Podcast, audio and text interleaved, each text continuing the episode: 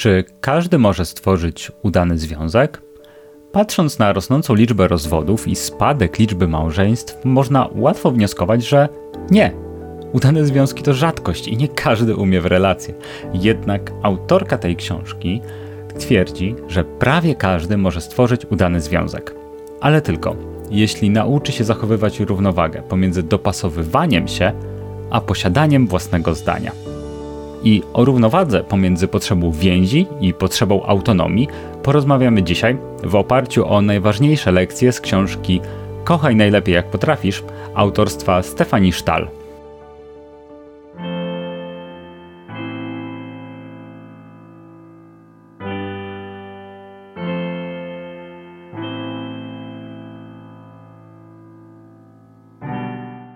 Cześć, z tej strony Kamil i witam Cię w kolejnym odcinku podcastu o książkach, które uczą. W tym podcaście omawiam najważniejsze lekcje z ciekawych książek, by zaoszczędzić Ci czasu lub zachęcić do ich przeczytania.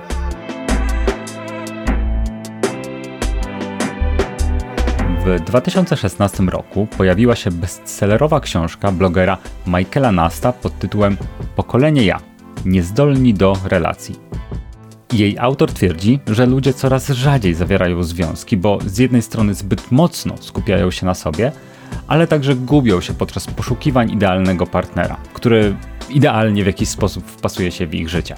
Stefanie Sztal twierdzi jednak, że to zdecydowanie za mało, by udowodnić, że nie potrafimy tworzyć związków i żeby zrozumieć ten problem bo jej zdaniem przyczyną nieumiejętnego budowania związków nie jest ani perfekcjonizm, ani wynikające z niego problemy, ani też życie w wielkim, zatłoczonym mieście i skupienie na karierze.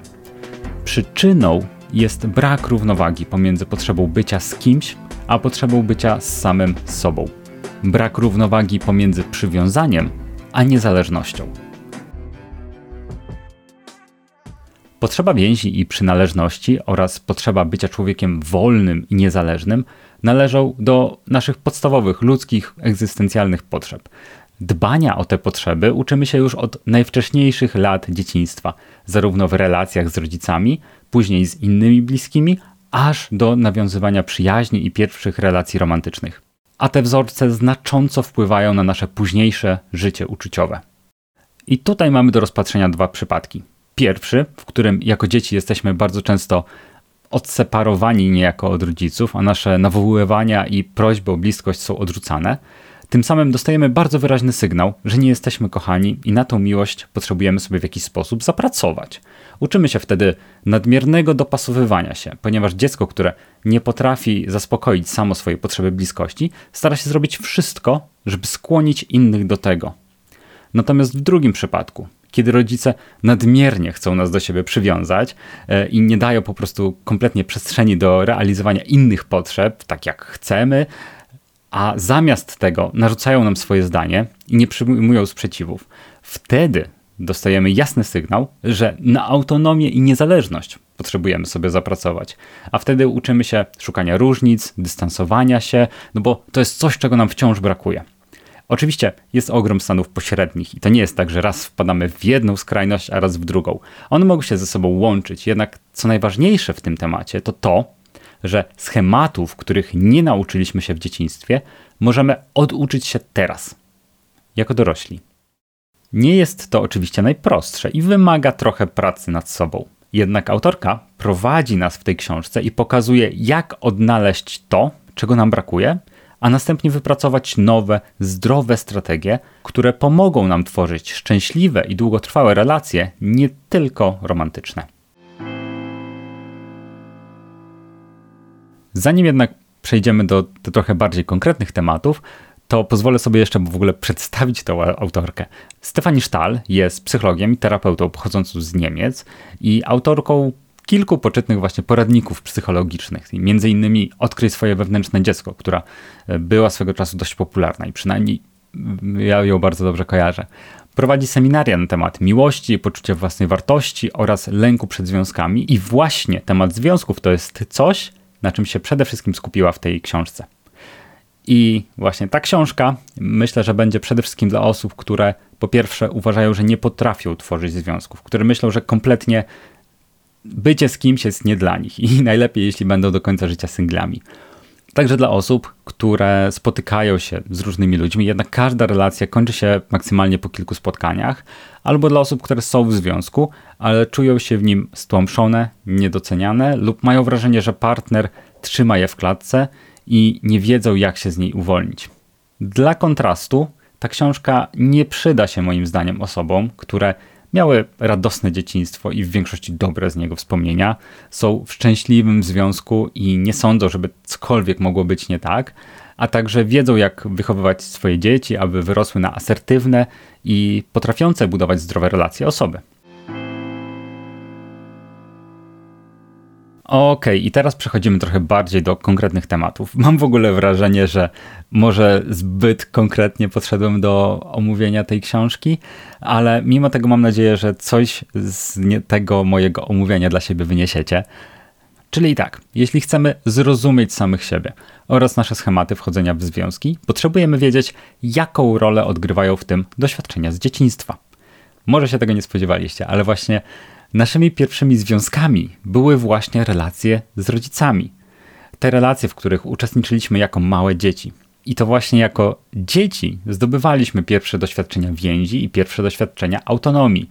I to małe dziecko, co jest najważniejsze, wciąż w nas żyje.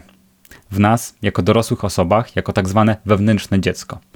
Wewnętrzne dziecko jest psychologiczną metaforą dla tej części naszej osobowości, która ciągle nieświadomie powraca do tych starych dziecięcych wzorców zachowania. Jeśli chcemy poczuć się szczęśliwi w naszym związku, i to wewnętrzne dziecko może przeszkadzać lub pomagać, zależnie od tego, jakie po prostu ma wspomnienia z tego dzieciństwa. Dlatego, jeśli chcemy się poczuć szczęśliwi sami ze sobą, ale także w naszym związku, obie strony potrzebują najpierw nauczyć się i zrozumieć swoje wewnętrzne dzieci uświadomić sobie nasze głęboko zaprogramowane schematy, zrozumieć je, a następnie je zmienić, jeśli okazują się przeszkodą. I teraz, podążając za autorką, przejdźmy przez 7 punktów y, naprawy naszych relacji. Naszych relacji z innymi, ale moim zdaniem także naprawy naszych relacji z samym sobą.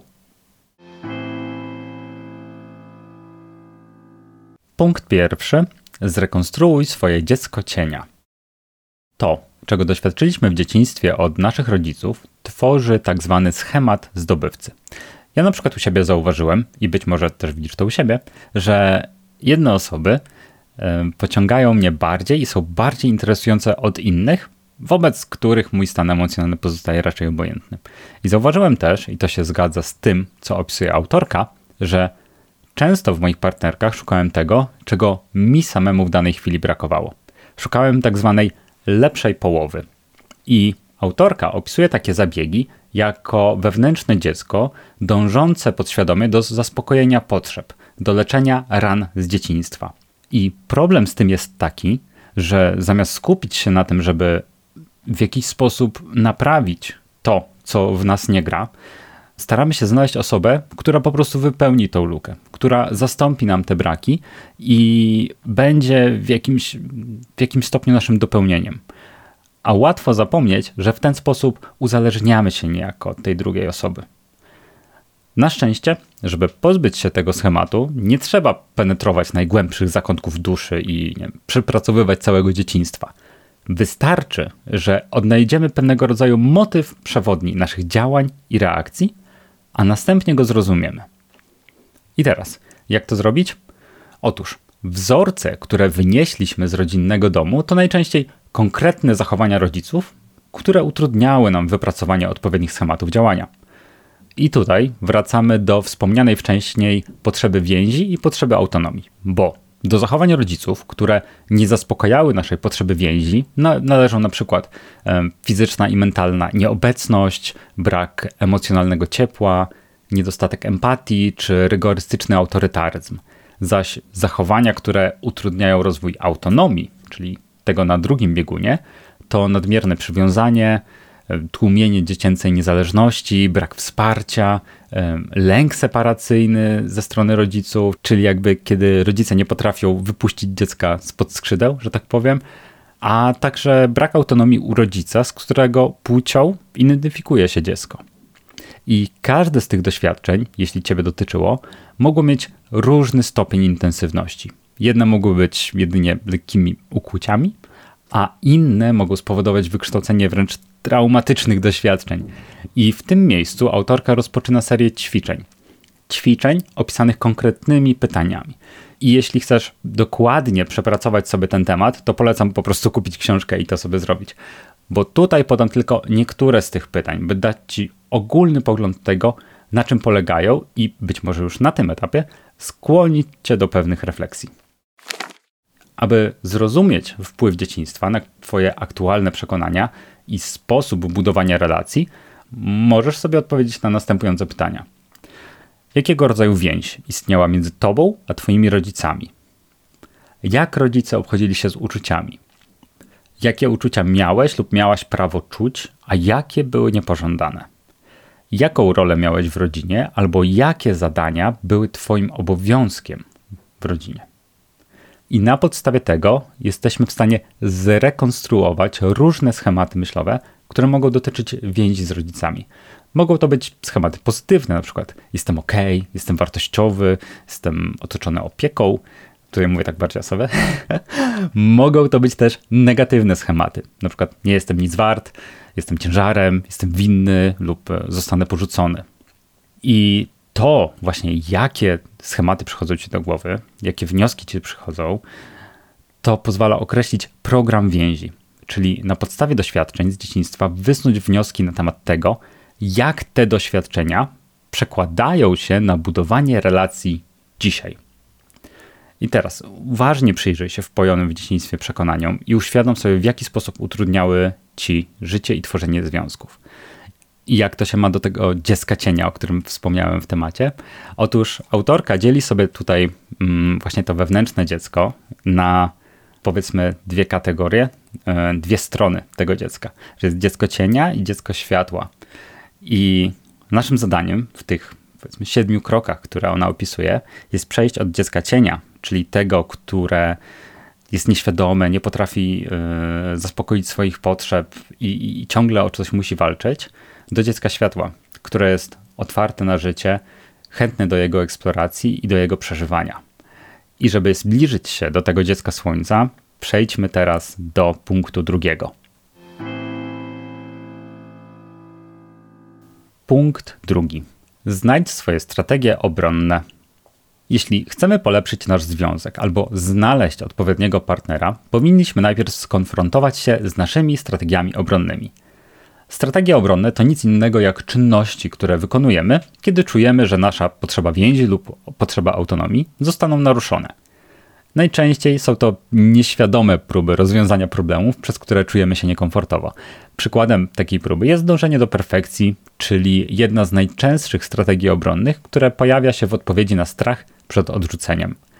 Perfekcjonista stara się robić wszystko idealnie, wręcz z nadmierną starannością, by zapewnić sobie poczucie przynależności.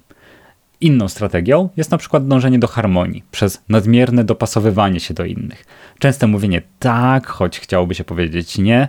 I osoby stosujące tę strategię boją się często tego, że zostaną odrzucone, bo kogoś rozczarują. Są też osoby, które chronią swoje dziecko cienia nie przez bycie miłym, lecz przez bronienie swojego stanowiska i walkę o swoje racje. Często dystansują się lub zamykają się w sobie, kiedy partner nie chce za nimi podążać, lub na wszelkie możliwe sposoby przekonują jego lub ją do swoich racji. W celu zaspokojenia właśnie dziecka cienia, które boi się zostać przywiązane i skrępowane przez cudze wymagania. I te różne przykłady strategii, które znajdują się często po przeciwnych stronach więzi lub autonomii, są wdrukowanymi schematami, przez które nie tylko nie zaspokajamy naszych potrzeb, ale także w dłuższej perspektywie ranimy siebie i bliską nam osobę. Kiedy połączymy ten temat z poprzednim punktem, czyli opisem naszego dziecka cienia, wtedy możemy zauważyć połączenie pomiędzy niektórymi zachowaniami naszych rodziców, a strategiami obronnymi, które wykształciliśmy, by sobie z nimi poradzić. W tym miejscu autorka poleca, aby przyjrzeć się, jak te schematy w konkretny sposób regulowały zachowania w związkach bo kiedy już je poznamy i będziemy w stanie w sobie zaobserwować, będziemy mogli je zmienić. Punkt trzeci. Spójrz na rzeczywistość z pozycji ja dorosłego. Nie wiedząc, jaka część naszego samochodu sprawia, że ten nie chce odpalić, nigdy nie będziemy w stanie go naprawić. Proste, nie? I tak samo, aby kształtować swoje zachowanie, potrzebujemy najpierw zrozumieć, co nimi, tymi zachowaniami, tak naprawdę rządzi. I ta zmiana w tym wypadku jest po prostu kwestią treningu. Tak jak często się to przewija w tym podcaście zresztą. Dlatego przejdziemy do ćwiczeń, które proponuje autorka. E, ćwiczeń, które pomogą nam zauważyć, w którym momencie władzę nad nami przejmuje dziecko cienia, a następnie wyzwolić się z jego uścisku. I teraz mam takie jedno ćwiczenie, bo oczywiście nie będę przytaczał wszystkich. I to ćwiczenie nazywa się Przyłap się i przełącz. Królową wszystkich strategii zmian jest strategia polegająca na przyłapywaniu się, gdy znajdujemy się w trybie dziecka cienia, a następnie przełączaniu się na program ja dorosłego. I teraz wyjaśnimy. Najłatwiejszym sposobem, by to zrobić, jest przyłapanie się na własnych uczuciach. Dlatego tak istotnym w pierwszym kroku było dokładne zrozumienie dziecka cienia, jego strategii obronnych, a także emocji i uczuć. Emocje i uczucia zauważamy z jednej strony na podstawie często naszych myśli, ale z drugiej strony na bazie odczucia w ciele. I teraz, kiedy zauważysz te emocje, następnie przełącz się na perspektywę obserwatora. Jak to zrobić? Na przykład, przypomnij sobie konkretny konflikt z partnerem lub z inną osobą, w którym pojawiło się ostatnio Twoje dziecko cienia. I teraz, kiedy już to zrobisz, wejdź najpierw w swoją pozycję, przypomnij sobie, jak to dziecko cienia reagowało w trakcie rozmowy. Przypomnij sobie myśli, które krążyły ci po głowie, przypomnij sobie emocje, które poruszały Twoje ciało. Jeśli już to czujesz, to zaobserwuj dokładnie, co się z Tobą dzieje i zapamiętaj te reakcje. Następnie wyjdź z perspektywy dziecka cienia. To może być ciężkie, ale może w tym pomóc po, mm, takie chwilowe odwrócenie uwagi, może zajęcie się czymś innym i spójrz na tę samą sytuację z perspektywy postronnej osoby, która obserwowałaby z boku waszą kłótnię. W tym momencie nie wchodź w rolę żadnego z uczestników, ale tylko obserwuj na poziomie faktów, jak obie osoby się zachowują. Masz to? A kiedy już to jest za tobą, zadaj sobie następujące pytania. Jak z pozycji zewnętrznej postrzegasz dziecko cienia? Jakie są jego schematy myślowe, jego emocje, jego zachowanie? Czy uważasz, że emocje i zachowania dziecka cienia są adekwatne do tej sytuacji? I teraz istotne pytanie: gdybyś był swoim terapeutą, co byś samemu sobie poradził?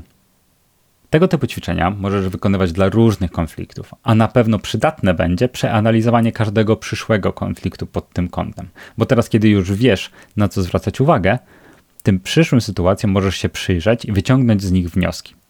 I dzięki temu jesteś w stanie nabyć odpowiednią autorefleksję, a w efekcie łatwiej oddzielać się od swojego dziecka cienia i patrzeć na sytuację w bardziej obiektywny sposób.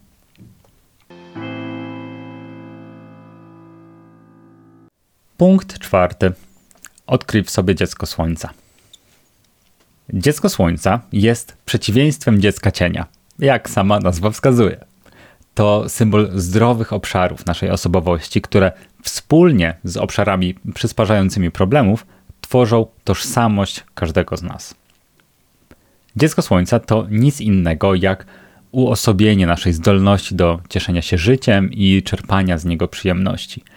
Wcześniej dużo rozmawialiśmy na temat trudnych wspomnień z dzieciństwa, ciężkich chwil i przeżyć wymagających dość bardzo pod względem emocjonalnym. Większość z nas znajdzie jednak sporo wspomnień z dzieciństwa, które są przepełnione radością, przepełnione chęcią do życia, cieszeniem się życiem i czerpaniem z niego pełnymi garściami. Dziecko cienia tworzy dystans, natomiast dziecko słońca tworzy zdrowe więzi i zbliża ludzi do siebie nie w sposób destruktywny, a wspierający obie strony relacji.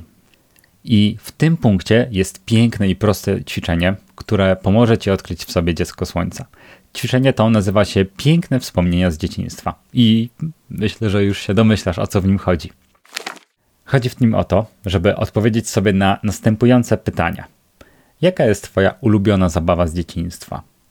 W jakim miejscu najbardziej lubiłeś lub lubiłaś przebywać? Z kim lubisz się bawić? Jaka była Twoja ulubiona zabawka? Jedzenie albo ulubiony zapach? Albo jaka była najpiękniejsza chwila w Twoim dzieciństwie? Przypomnienie sobie tych pięknych wspomnień z pewnością wywoła uśmiech na Twojej twarzy. To, to się po prostu nie może nie wydarzyć. Już ja sam pisząc notatki do tego nagrania, cały się po prostu uśmiechałem. I to było właśnie jego celem. Jakie emocje wywołały w tobie te wspomnienia? Najlepiej zanotuj je sobie, bo przydadzą ci się na kolejnych etapach. Punkt piąty. Odczuj emocje dziecka słońca. Zmiana stanu emocjonalnego wpływa ogromnie na to, w jaki sposób odbieramy otaczający świat. Ale nie tylko wpływa na nasz odbiór, ale także na odbiór nas przez inne osoby. Przyznasz zapewne, że całkiem inaczej prowadzi się rozmowę z osobą, która jest negatywnie nastawiona do świata, a z osobą, która wręcz zaraża pozytywnymi emocjami i widać w niej chęć do czerpania z danej chwili, do wyciągania lekcji, czy po prostu pozytywne nastawienie do siebie i swojego otoczenia. Takie nastawienie wpływa też na to, w jaki sposób bierzemy udział w konfliktach. Czy podchodzimy do nich z gniewem, czy podchodzimy z dystansem i najchętniej zignorowalibyśmy wszystko, co się dzieje, czy podchodzimy z ciepłem, wyrozumiałością dla drugiej osoby, ciekawością i chęcią rozwiązywania problemów, które rodzą się w naszej relacji.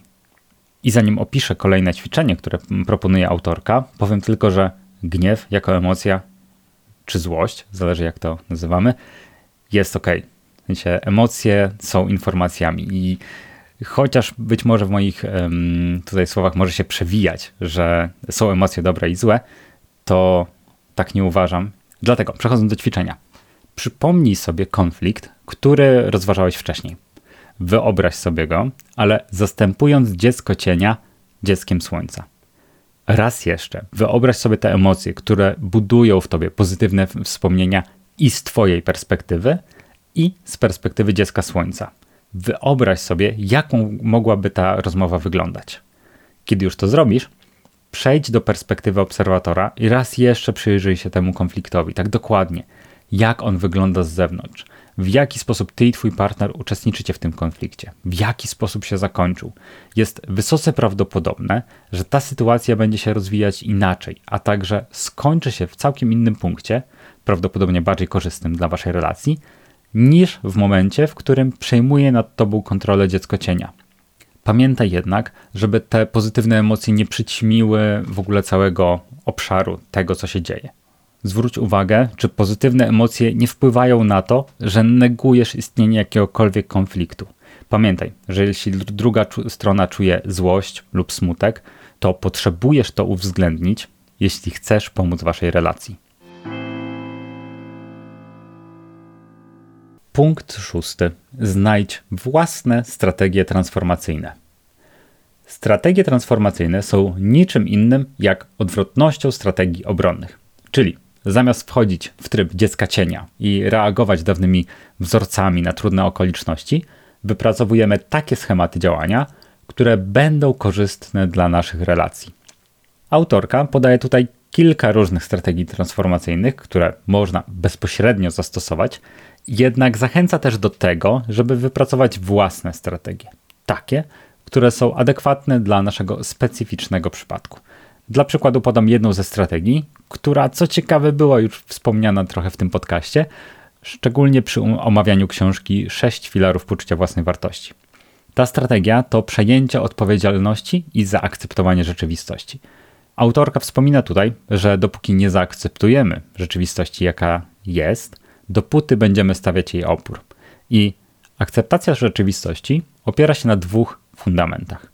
Pierwszy, mogę rozwiązać tylko te problemy, które sobie uświadamiam. Drugie, akceptowanie rzeczywistości przynosi mi ukojenie. Opór wobec niej wywołuje wewnętrzne napięcie. Dla przykładu, denerwowanie się w momencie, kiedy stoimy w korku, jest dość nieproduktywne. Dlaczego? No bo jak już jesteśmy w tym korku, to raczej z niego nie wyjedziemy. Najczęściej. A dodatkowo denerwowanie się na ten fakt tylko nas obciąża. Jeśli natomiast powiemy sobie, ok, kupiłem samochód, no i decyduje się w związku z tym na ewentualność stania w korku. No bo sorry. Mamy podstawy do tego, żeby pogodzić się z naszymi okolicznościami i w ewentualności ukoić trochę nasze nerwy. Ale teraz, jak wykorzystać to w kontekście relacji? Cóż, spięcia w relacjach pociągają ze sobą dość silne emocje. A będąc w jakiejkolwiek relacji, chcąc w niej być, decydujemy się na to, że takie emocje będą się pojawiać. To była nasza decyzja i odrzucenie jej sprawi tylko, że dodatkowo wydłużymy stres i wszelkie nieprzyjemności. Natomiast akceptacja sprawia, że możemy coś z tym zrobić. Przykładowo, w momencie, kiedy denerwuje mnie to, że ktoś jest zdenerwowany, no bo tak się dzieje w związkach, mogę, mo mogę zapytać siebie, ok, czy ja mogę coś zrobić, żeby poprawić jego lub jej nastrój? Niemniej, no, branie tego do siebie i stresowanie się tym rzadko przynosi jakieś pozytywne skutki, a zadziałanie, w jakiś sposób rozwiązanie tego problemu już może to poprawić. Punkt siódmy. Praktykuj wymienione kroki, aż staną się automatyczne. Tak, niestety wypracowanie każdego nowego schematu wymaga pracy. Nawyki myślowe, które dopracowywaliśmy przez lata i kształtowały się jeszcze w naszym dzieciństwie, są bardzo trudne do zmiany. I nastawienie się, że w ciągu miesiąca pozbędziemy się wszystkich niekonstruktywnych sposobów reakcji na jakieś trudne sytuacje, może być bardzo frustrujące. Dlatego pamiętaj, że wykształcenie nowych strategii i nawykowe ich stosowanie to proces. Proces, który zajmuje trochę czasu, a także będzie wymagać pewnej ilości powtórzeń.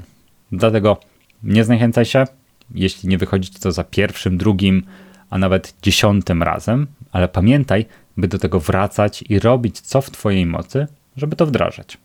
Skoro to ma pomóc, to po jakimś czasie na pewno pomoże. I podsumowując już, taki ogólny wniosek z tej książki, który wynoszę dla siebie, to to, że w udanym związku człowiek może ufać drugiej osobie, wsłuchiwać się w nią, być empatyczny, poświęcać się, ustępować i zawierać kompromisy. Zachowując prawdziwą autonomię, może być autentyczny, stawiać po stronie swoich pragnień, potrzeb, argumentować, negocjować i się kłócić. Jeśli z partnerem będą mieć wspólny system wartości, podobne zainteresowania oraz kilka innych wspólnych cech, stworzenie udanego i szczęśliwego związku stanie się możliwe. I moim zdaniem ta książka pięknie mówi o tym, w jaki sposób to osiągnąć. Dlatego stosując omówiony przeze mnie wcześniej schemat, oparty oczywiście o wiedzę autorki, pamiętaj, że inwestujesz ten czas i energię nie tylko w te relacje, nad którymi pracujesz obecnie, ale też wszystkie inne relacje, które będziesz tworzyć do końca życia. A mam dziwne przeczucie, że jeśli wszyscy stosowalibyśmy zdrowe i korzystne do budowania relacji strategie, świat naprawdę byłby bardzo przyjemnym miejscem do życia.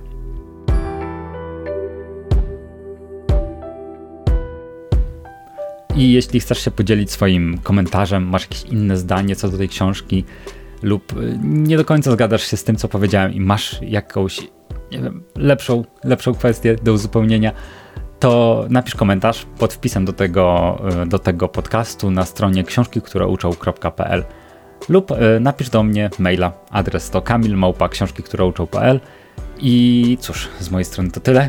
Do usłyszenia w kolejnym odcinku.